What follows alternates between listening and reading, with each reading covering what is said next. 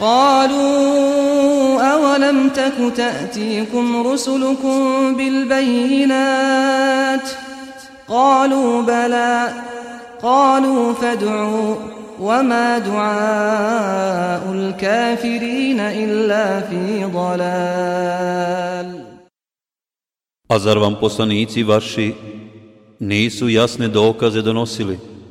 Upitaće oni. Jesu, odgovorit će. Molite onda vi, reći će oni. Ali će molba oni koji nisu vjerovali uzaludna biti. أحب الله والإسلام أحب الله والإسلام أحب الله والإسلام أحب الله والإسلام Kazivanje o Allahovim vjerovjesnicima. أحب الله والإسلام Kazivanje o Salihu, alaihi selam. Kur'ansko kazivanje o Salihu, alaihi selam, spomenuto je u surama El-E'araf, Hud, El-Hijr, El-Isra, El-Shu'ara, El-Neml, Fusilet, El-Kamer i El-Shams. U skladu sa ajetima, hadisima poslanika Muhammeda sallallahu alaihi ve sellem, predajama od ashaba, kao i nekim israelijatima, navešćemo kazivanje o Salihu, alaihisselam.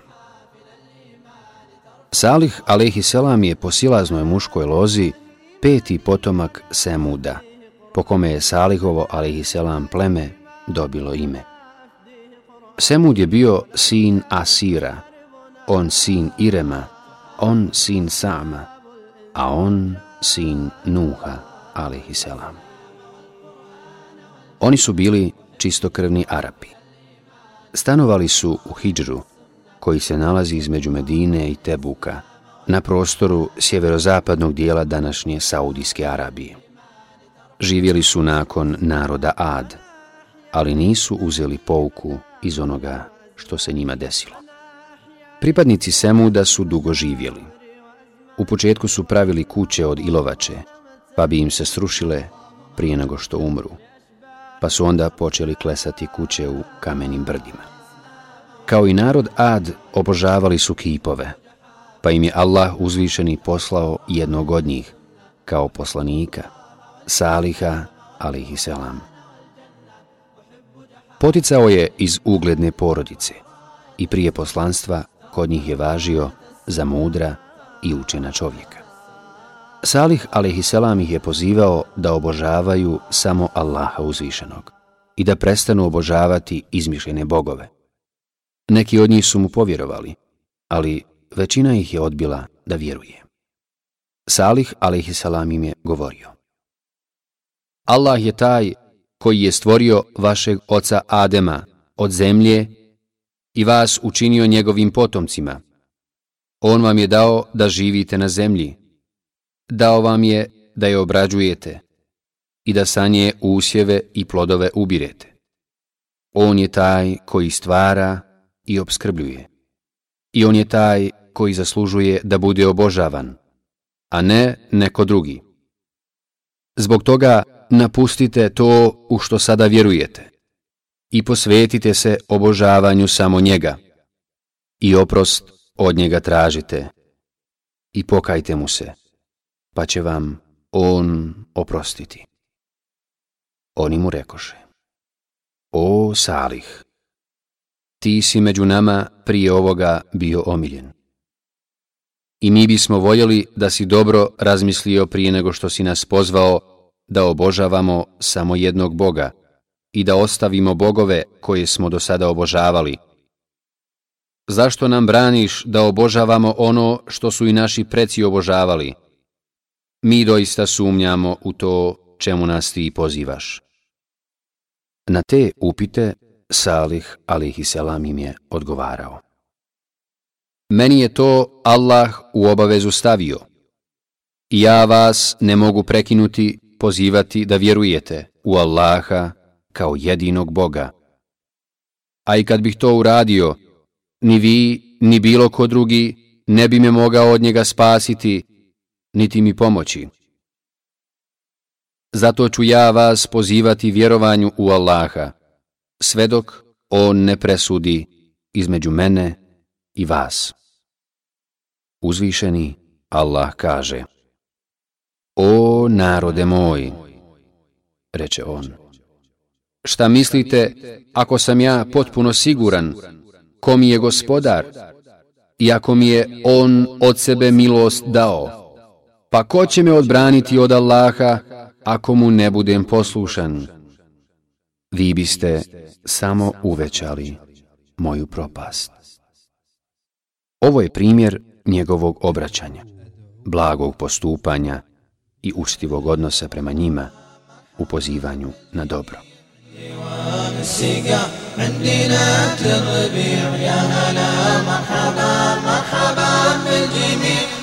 عندي عندي نبت الربيع الكرم لكم والكرم ما يضيع. عند قوم انتحاموا على دينها. الكرم لكم والكرم ما يضيع. عند قوم انتحاموا على دينها.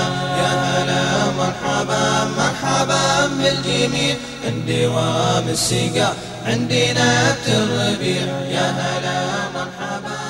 Semud je poricao poslanstvo Salih alaihisselam, ali uzvišeni Allah kaže Semud je poricao poslanike, uzvišeni Allah kaže Ljude je, kada im je dolazila objava, odvraćalo od vjerovanja samo to što su govorili. Zar je Allah čovjeka kao poslanika poslao? Reci, kad bi na zemlji meleki smireno hodali, mi bismo im s neba meleka kao poslanika poslali. Salih a.s. kao i Hud a.s. naglašavao je svojim sunarodnjacima da on za prenošenje Allahove objave njima nagradu traži samo od Allaha uzvišenog i da od njih nikakvu protuuslugu ne traži. Uzvišeni Allah kaže Sjetite se kad im je njihov sunarodnjak Salih rekao Zar se ne bojite? Ja sam vam poslanik pouzdani, pa se bojite Allaha i poslušni mi budite. Ja od vas zato nikakvu nagradu ne tražim. Moja nagrada je samo kod gospodara svjetova. Salih, alaihissalam, im je govorio I sjetite se kad vas je on učinio nasljednicima poslije Ada, da biste uzeli pouku iz onog što se njima desilo i da biste radili drugčije nego oni. I sjetite se da vas je na zemlji nastanio, u ravnicama njezinim palate pravite. A u brdima kuće spretno, lijepo i dobro klešete. Zato odgovorite na Allahovu blagodat zahvalom, dobrim dijelima i obožavanjem samo njega, koji nema sudruga. A čuvajte se suprostavljanja i nepokornosti njemu, jer je posljedica toga kobna. Zar mislite da ćete ovdje biti ostavljeni bezbjedni, u vrtovima i među izvorima, u usjevima i među palmama sa zrelim plodovima, koji su obilni i lijepi. Bojte se Allaha i poslušni mi budite i ne slušajte one koji u zlu pretjeruju, one koji nered na zemlji čine, a ne zavode red. Oni rekoše, ti si doista opčinjen. Ti nisi ništa drugo do čovjek kao i mi. Ako istinu govoriš, daj nam neki dokaz.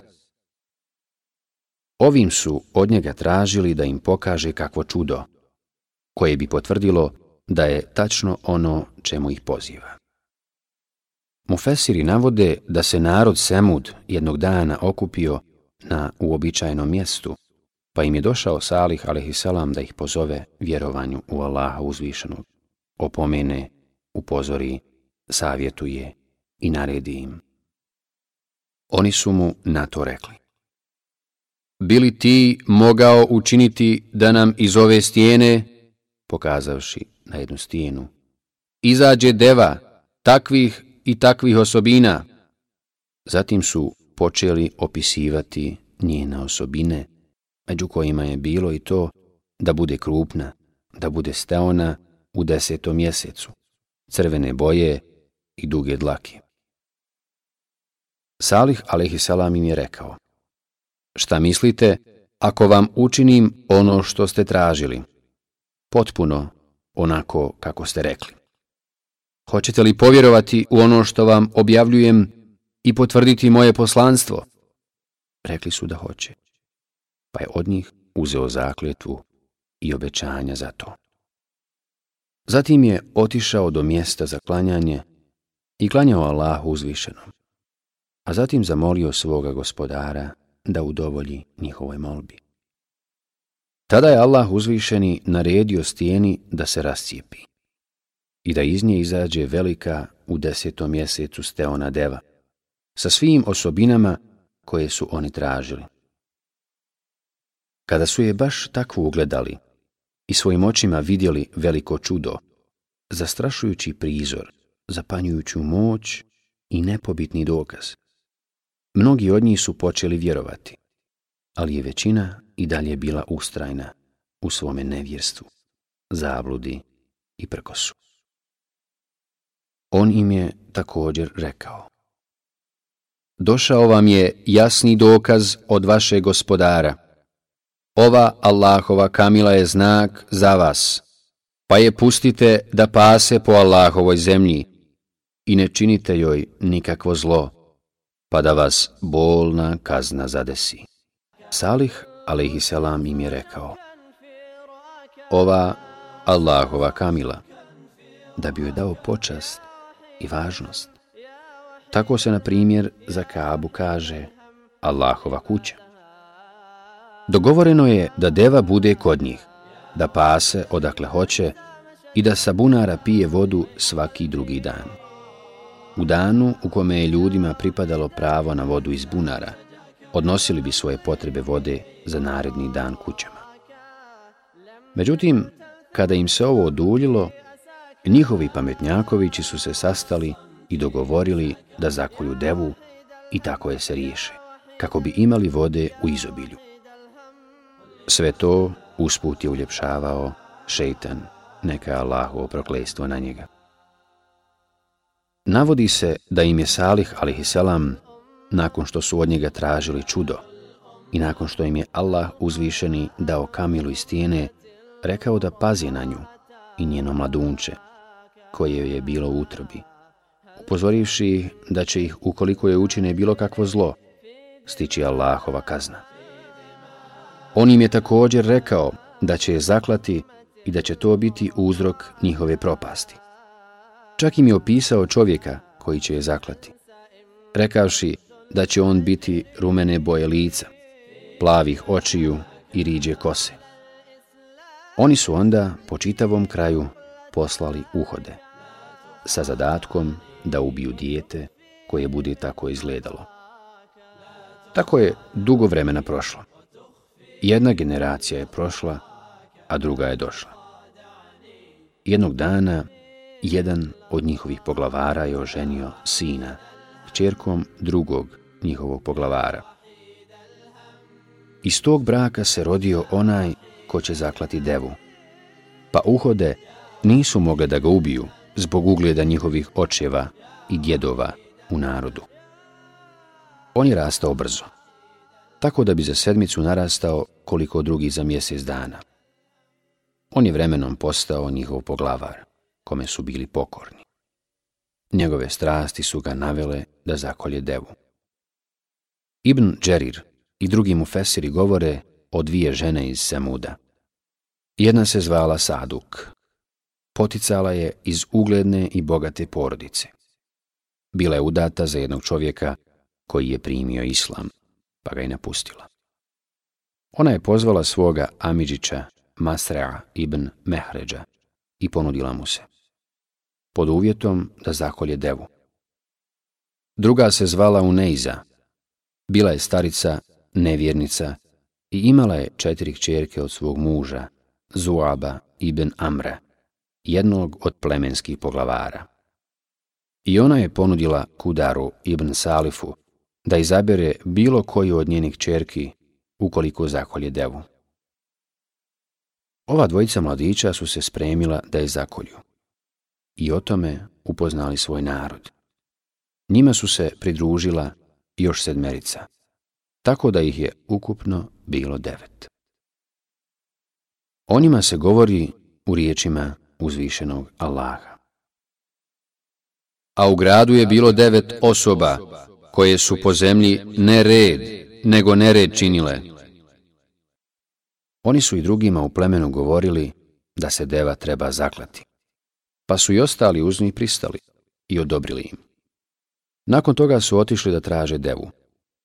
Kada se ona pojavila sa pojilišta, Masra joj se prišuljao, odapeo strijelu na nju i ranio je u nogu.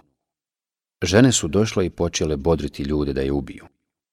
Čak su i svoja lica otkrile, kako bi ih potakle na to.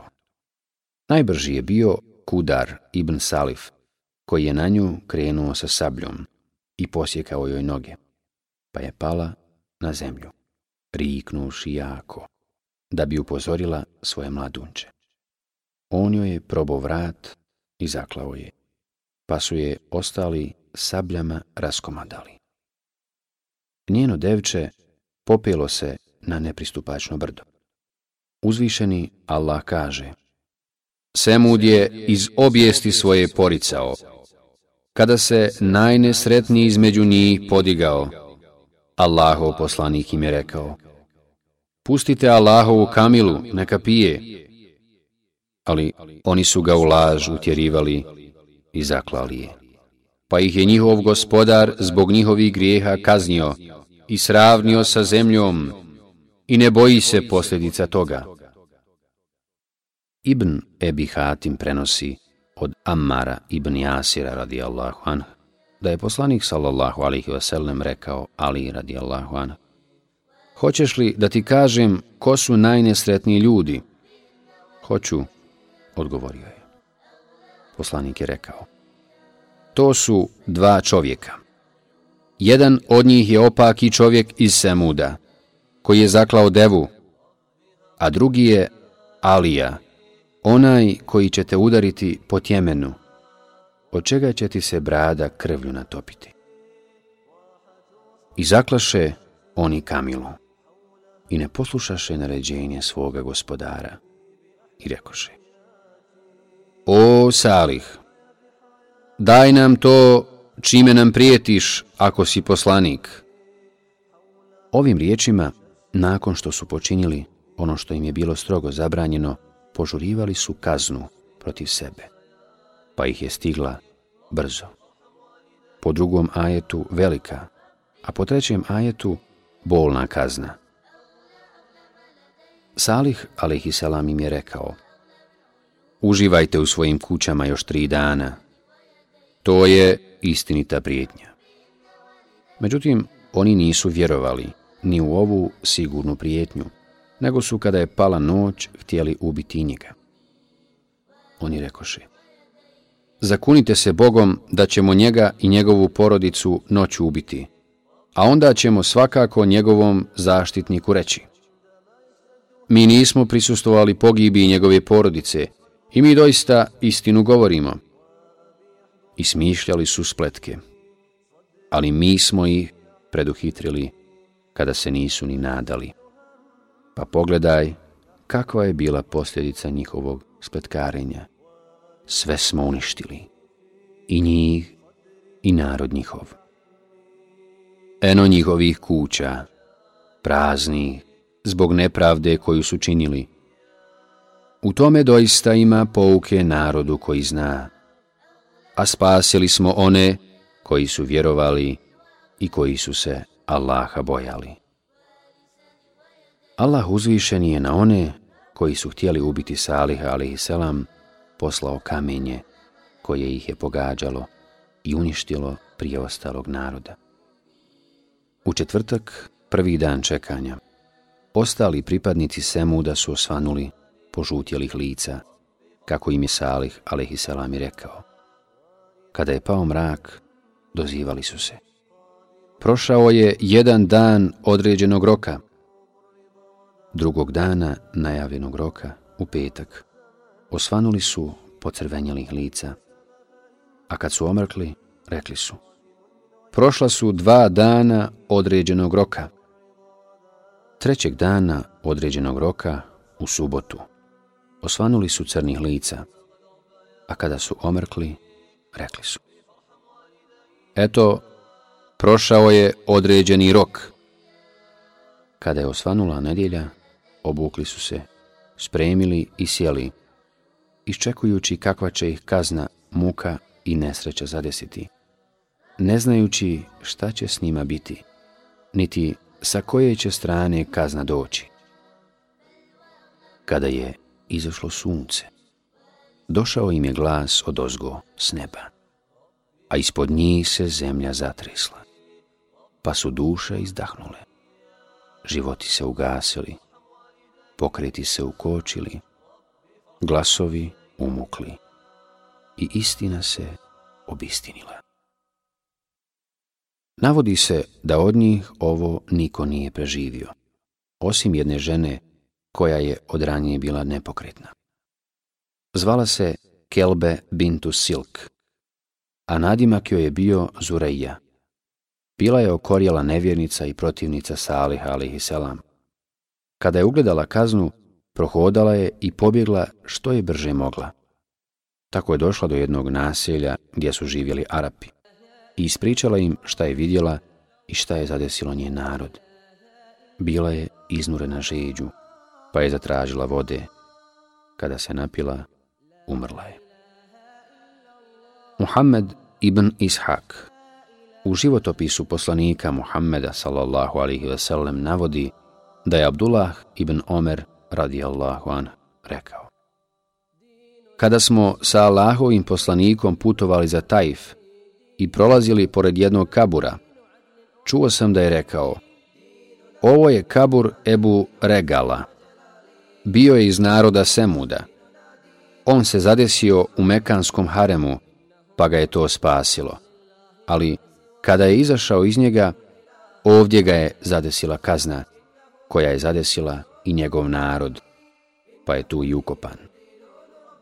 Znak da je to tako jeste zlatna grančica koja je zakopana s njim.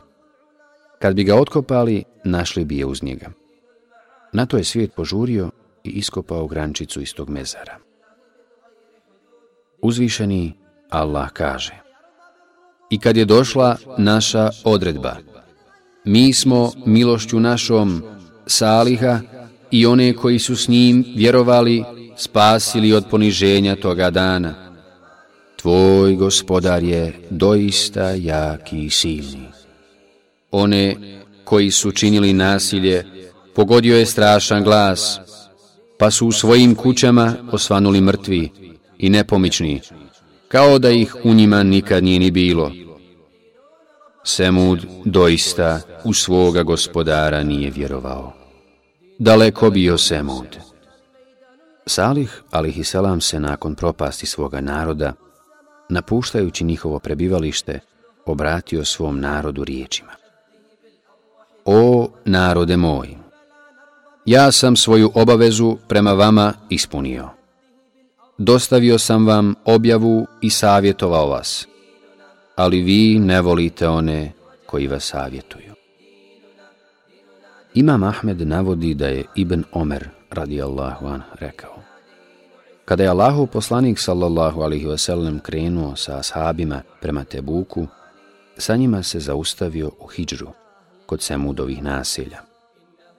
Zabranio im je ulazak u islesane kuće gdje je živio kažnjeni narod, rekaši. Bojim se da vas ne zadesi ono što je zadesilo i njih, pa ne ulazite tamo gdje su oni živjeli. U drugoj predaji stoji, ne ulazite ovim kažnjenicima osim plaćući. A u trećoj predaji stoji, pa ako ne možete plakati, onda se pravite da plaćete. Imam Ahmed navodi da je Ibn Abbas radijallahu an rekao Kada je poslanik sallallahu alaihi veselem prolazio kroz dolinu Usfan na putu za hađ, upitao je Ebu Bekre, koja je ovo dolina? On mu je odgovorio Dolina Usfan.